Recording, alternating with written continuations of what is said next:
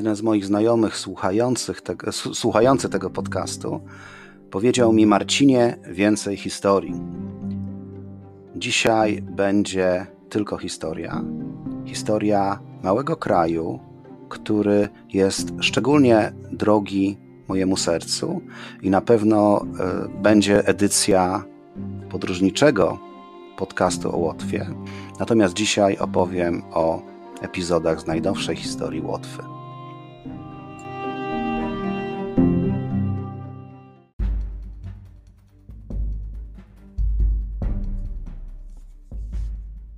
Ryszard Kapuściński powiedział kiedyś: Wszak istnieje coś takiego jak zarażenie podróżą i jest to rodzaj choroby, w gruncie rzeczy nieuleczalnej.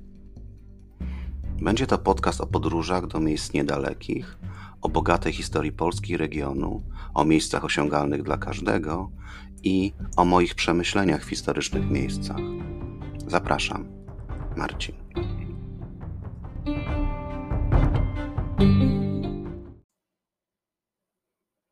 Mundury w kolorze Feldgrau, czyli opcja łotewska. W ostatnich latach niektórzy historycy stawiają coraz popularniejszą tezę, że Polska, paktując z Hitlerem, mogła uniknąć swojego tragicznego losu.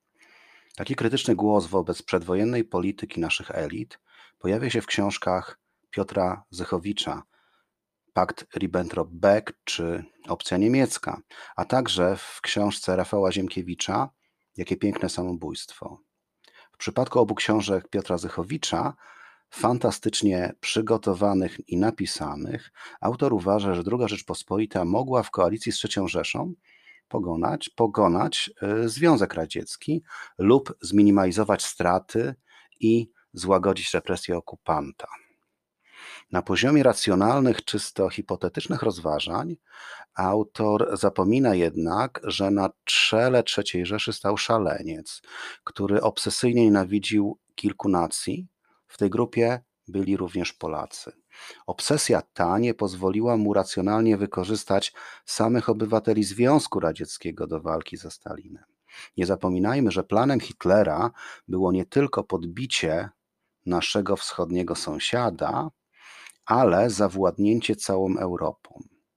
No i w tym planie Hitler nie docenił wielkości Związku Radzieckiego i siły jego narodu, represjonowanego przez Niemców dość mocno. Podobne tezy stawiane są coraz częściej odważniej przez historyków, natomiast rzadziej podejmowany jest wątek, co by było, gdyby Polska faktycznie przystąpiła do paktu z Hitlerem przeciwko ZSRR, a losy Niemiec potoczyłyby się identycznie jak w latach 1944-45. Zamiast dywagować, wystarczy posłużyć się po konkretnym przykładem Łotwy, która, aby ratować się przed czerwoną zarazą, rozpoczęła kolaborację z Hitlerem. Przyczyny takiej e, decyzji Łotyszów są dziś pomijane, natomiast od lat wypomina im się kolaborację z Hitlerem i udział żołnierzy łotewskich w formacjach Waffen-SS. Łotwa zapłaciła ogromną cenę za współpracę z Niemcami, choć cytując e, za Piotra Zychowicza, łotewska krew wsiąkła w piasek.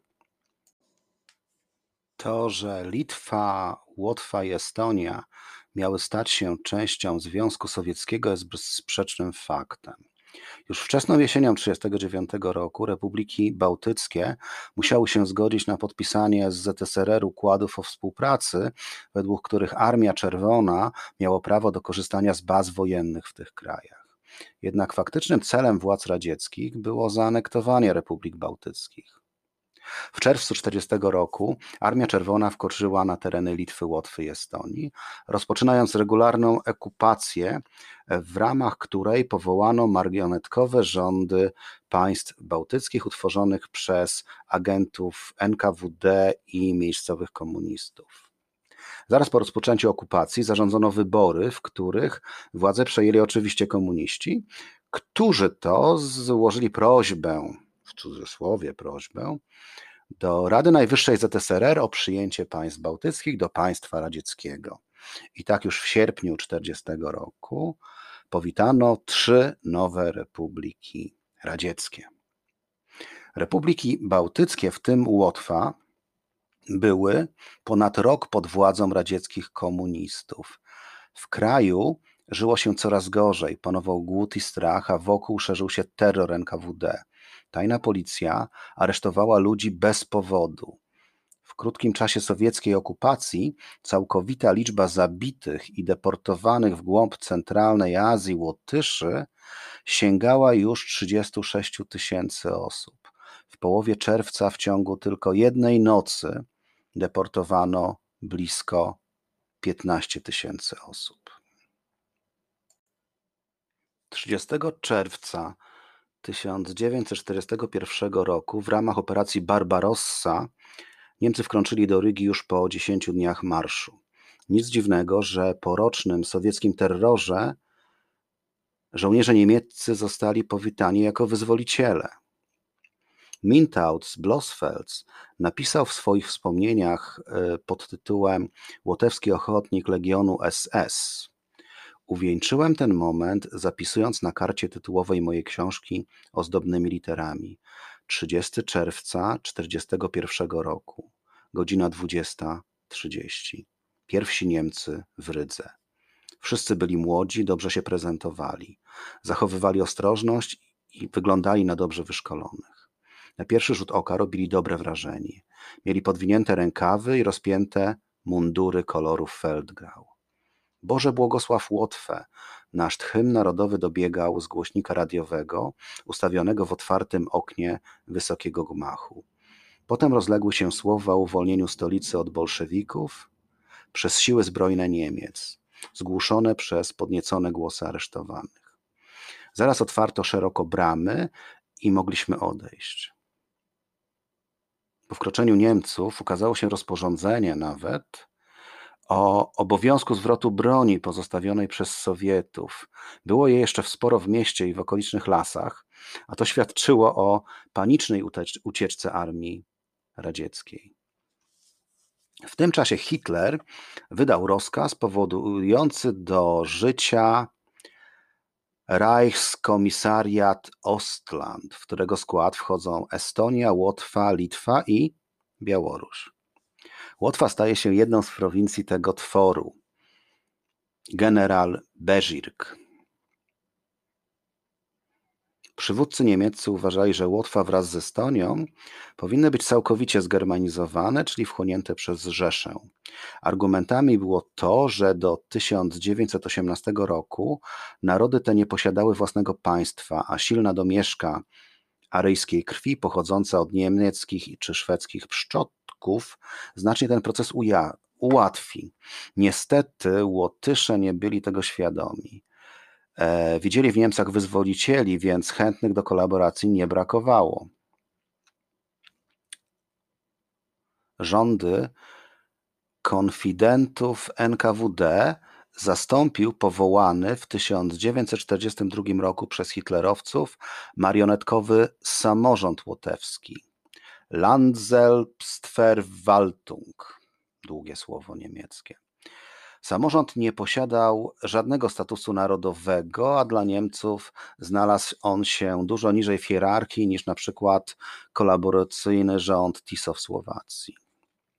Pomimo rozbudzonych nadziei o autonomii, pozornych ruchów tzw. Tak wyzwolicieli, suwerenna Łotwa nie była w planach nazistów. Ich celem było splądrowanie i wyzysk kraju oraz wyciśnięcie z małego bałtyckiego kraju maksimum korzyści ekonomicznych.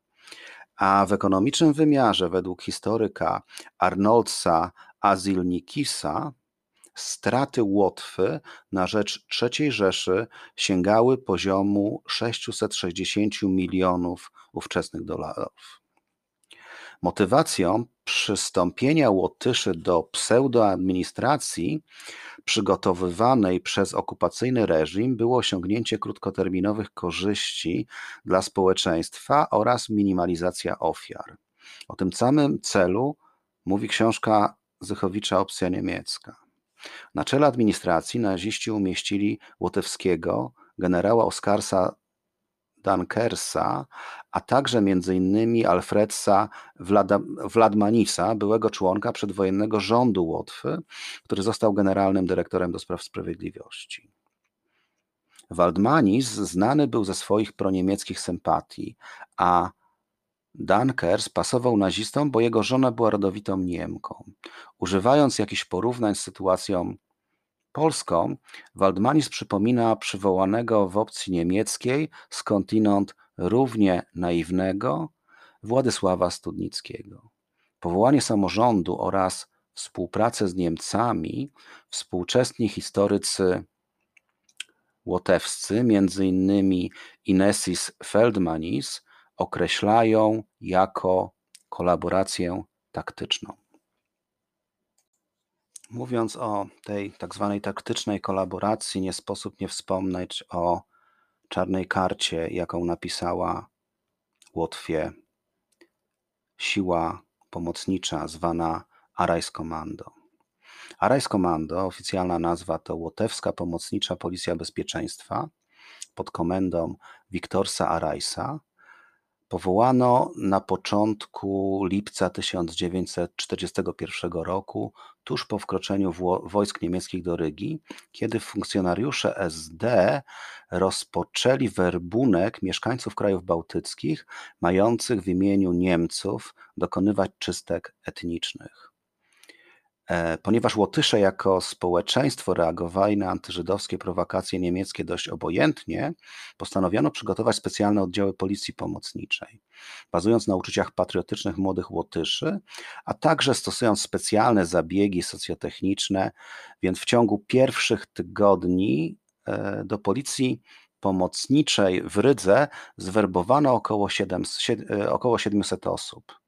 Jednym z najbardziej wstrząsających epizodów Holokaustu na Łotwie, w którym brało udział Arais Commando, jest wymordowanie 30 listopada i 8 grudnia 1941 roku około 25 tysięcy osób w Rumbala.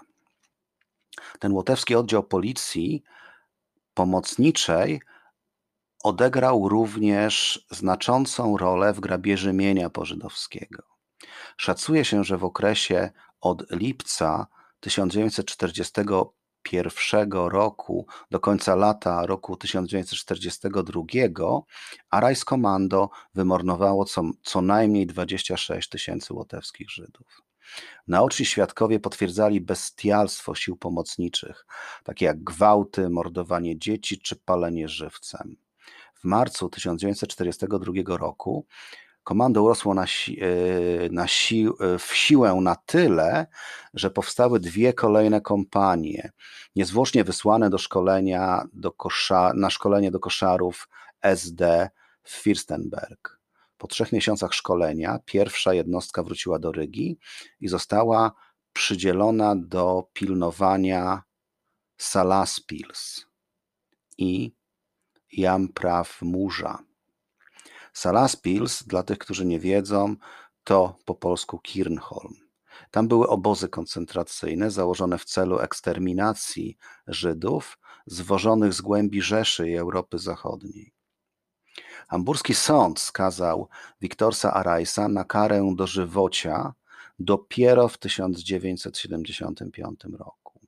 Umarł w celi niemieckiego więzienia po 13 latach.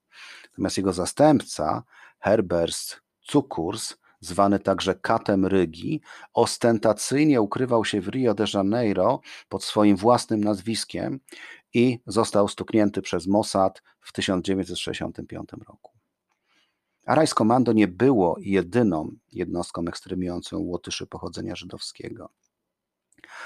E, Martin Zwagulans, przedwojenny dziennikarz i aktywista paramilitarnej organizacji za przyzwoleniem Stallekera zwerbował pod swoją komendę około 300 osób i dokonał 2-3 e, sierpnia 1941 roku e, w jego, jego rodzinnej Jaglawie, e, albo Jegławie po polsku, krwawej czystki na Żydach. E, kogo wytypowaliby Niemcy do stworzenia jednostek podobnych do Arais Commando w Polsce? Ciekawe. Jeden ze swoich rozdziałów w książce Pakt Ribbentrop-Beck Piotr Zychowicz tytułuje Polowe synagogi na froncie wschodnim, przekonując czytelników, że udział w pakcie z Hitlerem pomógłby uchronić obywateli polskich pochodzenia żydowskiego przed niechybną śmiercią.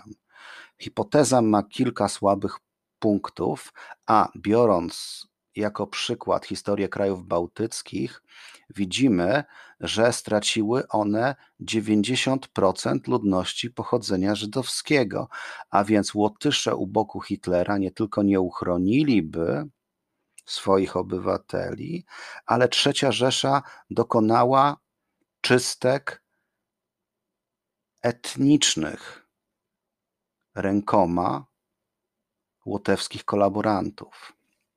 Niesprawiedliwością historyczną oczywiście będzie potępiać cały naród za działalność łotewskich renegantów, e, czy też potępić Łotyszy za kolaborację. Na usprawiedliwienie Łotyszy można e, przy, przytoczyć wypowiedź amerykańskiego ambasadora w Sztokholmie, Herschela Johnsona, przesłaną do Waszyngtonu w 1943 roku, na której, bazując na danych wywiadu, mówi o okupowanych Łotyszach jako o ludziach dystansujących się od niemieckich zbrodni, jednak jak najbardziej obawiających się powrotu bolszewików. A jak powstały łotewskie dywizje Waffen-SS? Legion Łotewski Waffen-SS, tak zwany Letland Legion, został powołany do walki w bardzo niekorzystnych warunkach. W grudniu 1942 roku łotewska kolaboracyjna administracja przedłożyła Otto Heinrichowi Drechslerowi, generalnemu komisarzowi na Łotwie, wniosek o utworzenie państwa łotewskiego. Jednak nie udało się uzyskać nawet częściowej autonomii Łotwy. W zamian za państwo lub autonomię Łotysze oferowali 100 tysięcy żołnierzy gotowych do walk w ZSRR. Żądanie nie zostało przyjęte, a Niemcy rozpoczęli mobilizację bez jakichkolwiek warunków wstępnych. Załamywały się fronty rosyjskie, nowi żołnierze byli potrzebni. Nazistowska polityka wobec Łotwy i Estonii była prosta: mięso armatnie. Na początku II wojny światowej Waffen-SS została utworzona przez Himmlera jako elitarne jednostki złożone tylko z ochotników niemieckich. Jednak już w 1941 roku, kiedy armia III Rzeszy potrzebowała kolejnych rekrutów, słowo ochotnicze pozostało tylko w nazwie. W 1940 roku rozpoczęto formowanie nowych jednostek Waffen-SS wśród aryjskich ochotników z takich krajów jak Norwegia, Dania, Belgia i Holandia, co było w zgodzie z ideologią czystości rasowej. Sytuacja diametralnie się zmieniła 22 czerwca 1941 roku po ataku na ZSRR. 12 tysięcy ochotników z wymienionych krajów e, to było mało, więc liczba obcych żołnierzy wzrosła do 140 tysięcy już w 1944. Jednak dalej była to kropla e, w morzu na potrzeby frontu. Wobec takiej sytuacji rozpoczęto werbunek blisko 200 tysięcy żołnierzy w Europie Wschodniej z krajów takich jak Łotwa, a Waffen-SS z gwardii Hitlera stało się wielonarodową formacją zbrojną. Faktem jest, że w roku 1944 z prawie miliona osób służących w Waffen-SS 57% stanowili obcokrajowcy. Estończyków i Łotysze, tak jak już powiedziałem, uznawano za najbliższych rasowo Niemcom, dlatego decyzją Himmlera pod koniec 1942 roku rozpoczęto e, na Łotwie werdunek z zamiarem powołania pierwszych dywizji. Na ich dowódcę e, powołano gene, łotewskiego generała Bangerkisa w stopniu Legion Brigadeführer. Ja nie znam, e, jakie, jakie, są, jakie są szarże w Waffen-SS, ale było to jedno z wyższych stanowisk. E, tu trzeba nadmienić, że stopnie krajowe w legionach narodowych e, różniły się od stopni w jednostkach pomocniczych przed rostkiem legion. Formowanie rozpoczęto E, rozpoczęło się od utworzenia 15 Dywizji Grenadierów Waffen-SS. Pierwszy e, werbunek przyniósł 18 tysięcy nowych rekrutów, a kolejne mm, werbunki podczas formowania kolejnej 19 Dywizji Grenadierów Waffen-SS przyniosły już około 24 tysiące żołnierzy. Te dwie dywizje określa się mianem Legionu Łotewskiego, e, w którym do końca wojny służyły 52 tysiące żołnierzy.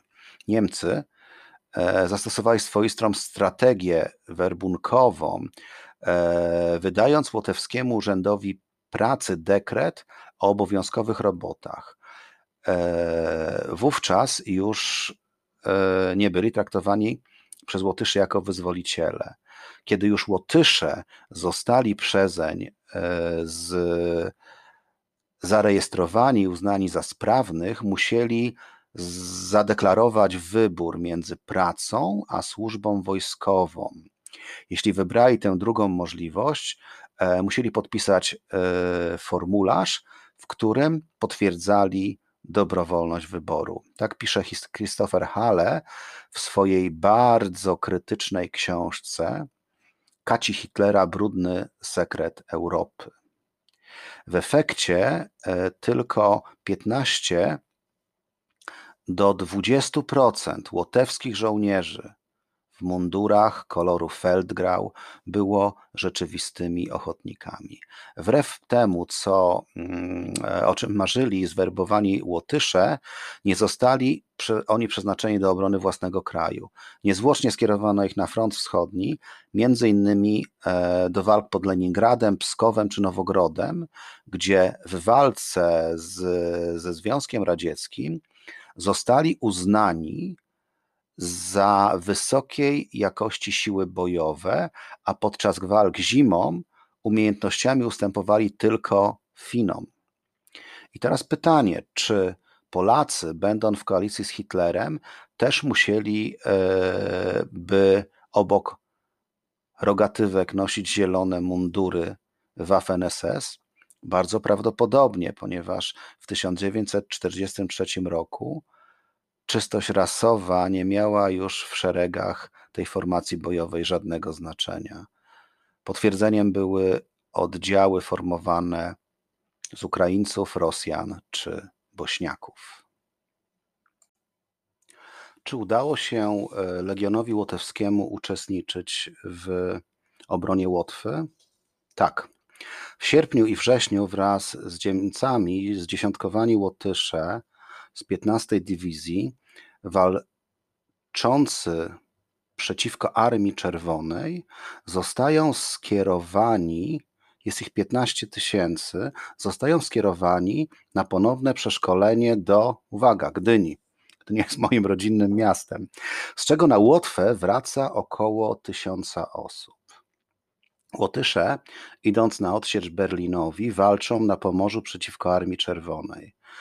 W tym czasie dywizja dziewiętnasta kontynuuje walki na Łotwie, dostając się na przełomie 44 i 45 roku do tak zwanego kotła kurlandzkiego. E, mimo, że Łotysze walczą dzielnie, są tylko siłami uzupełniającymi które biorą, e, które e, bronią ostatniego bastionu Hitlera, a tak naprawdę asekurują ewakuację Niemców. 19 dywizja zadaje dotkliwe straty Rosjanom, w zasadzie Sowietom, w tak zwanej trzeciej bitwie kurlandzkiej, gdzie siły radzieckie ponoszą sromotną klęskę. Nie bez znaczenia jest e, udział tejże dywizji również w czwartej bitwie kurlandzkiej. bohaterstwo Łotyszy ich zdolności bojowe niejednokrotnie przywoływane są w książce Franca Kurowskiego Kurlandia 1945 Ostatni bastion Hitlera. Części żołnierzy łotewskich udaje się ewakuować na mocy zawieszenia broni między aliantami e, zachodnimi a III Rzeszą. W swojej książce autor poświęca e, rozdział e, siłom ochotniczym, a o żołnierzach, którzy tam walczyli, pisze, gdy po zawieszeniu broni miało nastąpić przekazanie wszelkiego rodzaju uzbrojenia, łotyskie, łotewskie oddziały nie chciały słuchać radzieckiego rozkazu. Podczas szczególnego apelu zwolniono ich ze składanej przysięgi wojskowej. Wielu z nich udało się prze, przebić z całą bronią przez radzieckie kordony do lasów położonych w ojczyźnie. Tam jeszcze przez kilka lat prowadzili walkę z okupantem. Około 12 tysięcy osób w kilkudziesięciu zgrupowaniach kontynuowało walkę z Sowietami, a te oddziały nazywano leśne leśni bracia. Dane historyczne mówią, że ostatnich partyzantów y, pochodzących z rozformowanych dywizji łotewski, łotewskich wojska sowieckie ujęły w 1953 roku. Wiadomym jest, że wokół żołnierzy łotewskich będą kontrowersje. E, w wielotomowej publikacji, e, która w przełożeniu na polski mm, tytułuje się Łotewski żołnierz w II wojnie światowej, a autorzy stawiają dyskusyjne tezy na temat e, Łotewskiego Legionu. Legion Łotewski był specyficzną jednostką Waffen-SS. Jej członkowie zostali zmobilizowani przez obcy kraj, ale walczyli z własnej woli i dla dobra własnych obywateli. Cały naród łotewski stał za nimi w tym czasie. Nie ulega wątpliwości, że była to kolaboracja, ale należy pamiętać, że sytuacja została w dużej mierze spowodowana aneksją państw bałtyckich przez Związek Sowiecki i była społeczno-psychologiczną konsekwencją takiej polityki. Wojna dla państw niebędących agresorami nie była wojną opartą o ideologię, ale bieżące interesy polityczne. Łotewscy legioniści nie walczyli o Europę Hitlera ani o narodowy socjalizm i współpraca z Niemcami podyktowana była zupełnie innymi względami. Walki estońskich i łotewskich żołnierzy E, w zielono-szarych mundurach były prowadzone przeciwko ZSRR, aby zachować lub odzyskać niepodległość. E, nie ma żadnych powodów, aby oskarżać Letland Legion, którego formowanie rozpoczęło się na początku 1943 roku, o zbrodnie wojenne popełnione przez oddziały paramilitarne zwerbowane do współpracy na początku 1941 roku. Łotewscy legioniści nie uczestniczyli w działaniach represyjnych, nie, nawet nie mieli takiej możliwości, będąc na linii frontu, ale walczyli z Armią Czerwoną, która przecież w 1940 roku zajęła ich kraj i mogła to zrobić ponownie. Fakty mówią, że ani jeden łotewski legionista nie stanął przed sądem za zbrodnie wojenne popełnione w czasie walk na froncie. Owszem, byli oni skazywani na za samą przynależność do legionu. Nie należy również mylić działalności Legionu Łotewskiego ze zbrodniami Reichskommando, ponieważ formacja ta została e, założona po roku od samej masakry na Łotwie. Łotewskie jednostki nie mają również na swoim koncie takich zbrodni jak brygady Kamińskiego z Rona podczas powstania warszawskiego, czy ukraińskie SS Galicen w Galicji. Po II wojnie światowej nawet amerykańska komisja do spraw wysiedlonych wydała w 1950 roku jednoznaczne oświadczenie. Bałtyckie jednostki Waffen-SS, Baltic Legions, powinny być traktowane odrębnie jako odrębnego przeznaczenia, ideologii, działalności i kwalifikacji od niemieckiego SS. A zatem komisja nie uznaje ich za jednostki wrogie rządowi Sta Stanów Zjednoczonych, zgodnie z sekcją 13 ustawy o wysiedlonych z późniejszymi zmianami oraz co do jednostek SS złożonych z obywateli państw bałtyckich, komisja otrzymała dowody, że do jednostek tych wcielano z poboru zgodnie e, z metodą reżimu Hitlera i że żołnierze tych jednostek byli użycie, użyci głównie na froncie wschodnim. Także według werdykt Trybunału w Norymberdze z 1 października 1946 roku, uznając SS za organizację zbrodniczą, wykazał jednocześnie, że nie, tyczy, nie tyczy się to osób zmobilizowanych wbrew woli, uznając, że nie są oni winni zbrodni wojennych. No i następuje zemsta. Dla anektowanej Łotwy e, generalissimus Stalin nie miał litości. Lata 1944-1991 e, uważa się za drugą okupację kraju. Pierwszą karą za kolaborację z Hitlerem było ponowne włączenie Łotwy do Związku Sowieckiego jako Łotewska Socjalistyczna Republika Radziecka, a co się z tym wiązało? Zmiana systemu ekonomicznego, militaryzacja, wysiedlenia, eliminacja elit i kolonizacja. W pierwszej fazie rozpoczęto masowe deportacje w głąb Związku Radzieckiego. Pierwszymi ofiarami stała się inteligencja i tak zwani kułacy, czyli rolnicy posiadający powyżej 20 akrów ziemi. Do 1949 roku wywieziono 43 tysiące osób, co w skali małego narodu stanowiło ponad 2% populacji. Sumując to z deportacjami dokonanymi podczas pierwszej okupacji e, sowieckiej, wielu historyków mówi o deportacji na poziomie 130 tysięcy osób. To jednak nie wystarczyło Stalinowi nie mógł wysiedlić całego narodu na Syberię, a siła robocza w, e, w odbudowującym się po wojnie e, Związku Sowieckim była potrzebna. Więc trzeba było zróżnicować społeczeństwo łotewskie.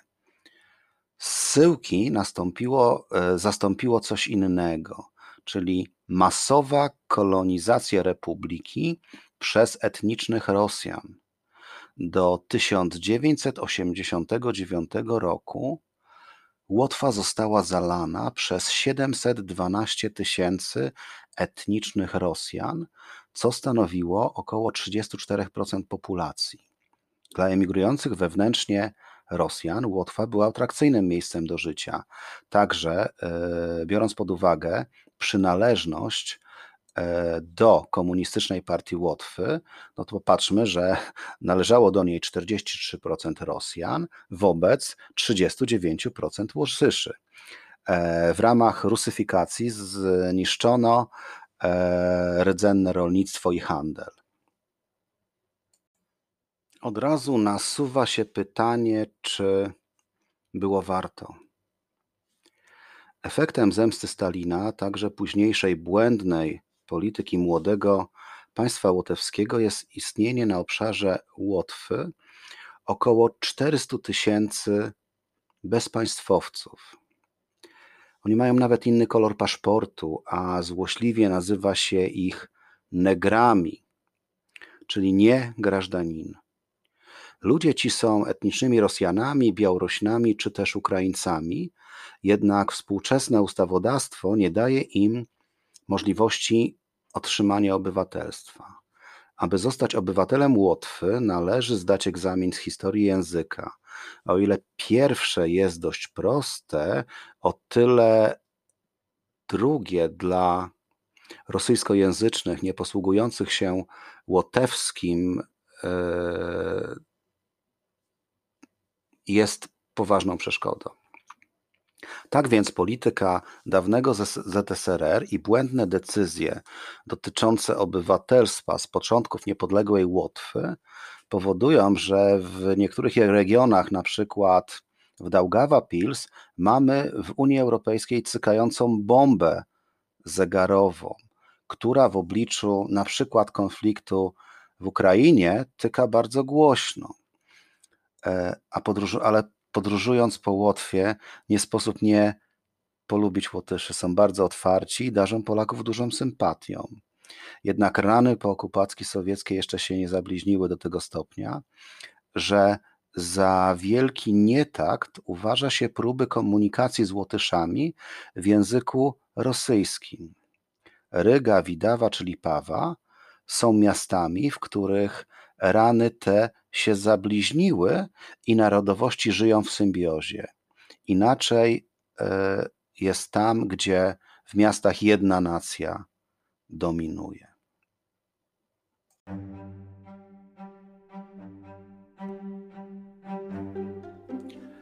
Historia trzech okupacji jest na Łotwie nadal żywa. Jednakże społeczeństwo zdaje sobie sprawę, że jak pisze Christopher Halle w swojej książce, kolaboracja z Niemcami naraziła Łotyszy bardziej, a nie mniej na kolejną falę sowieckiego terroru. Aprobując werbunek młodych rodaków, samorząd skazał całe pokolenie na pewną śmierć na polu bitwy i na dziesięciolecia prześladowań jako zdrajców. Dzisiaj Łotysze występujący w obronie, e, w obronie corocznych uroczystości upamiętnienia Legionu Łotewskiego poświęcają, e, podkreślają, że ich rodaków wcielono do służby. Nie była ona ochotnicza.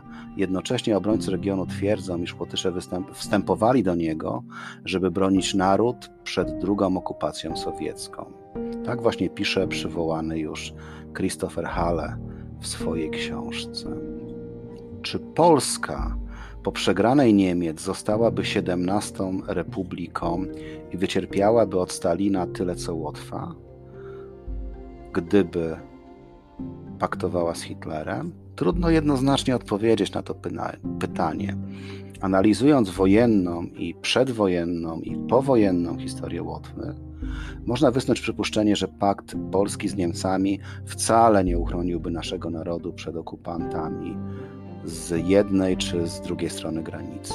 Na szczęście ostatecznie historia doprowadziła nas do wolnego kraju, w którym możemy dyskutować o tym, co by było gdyby.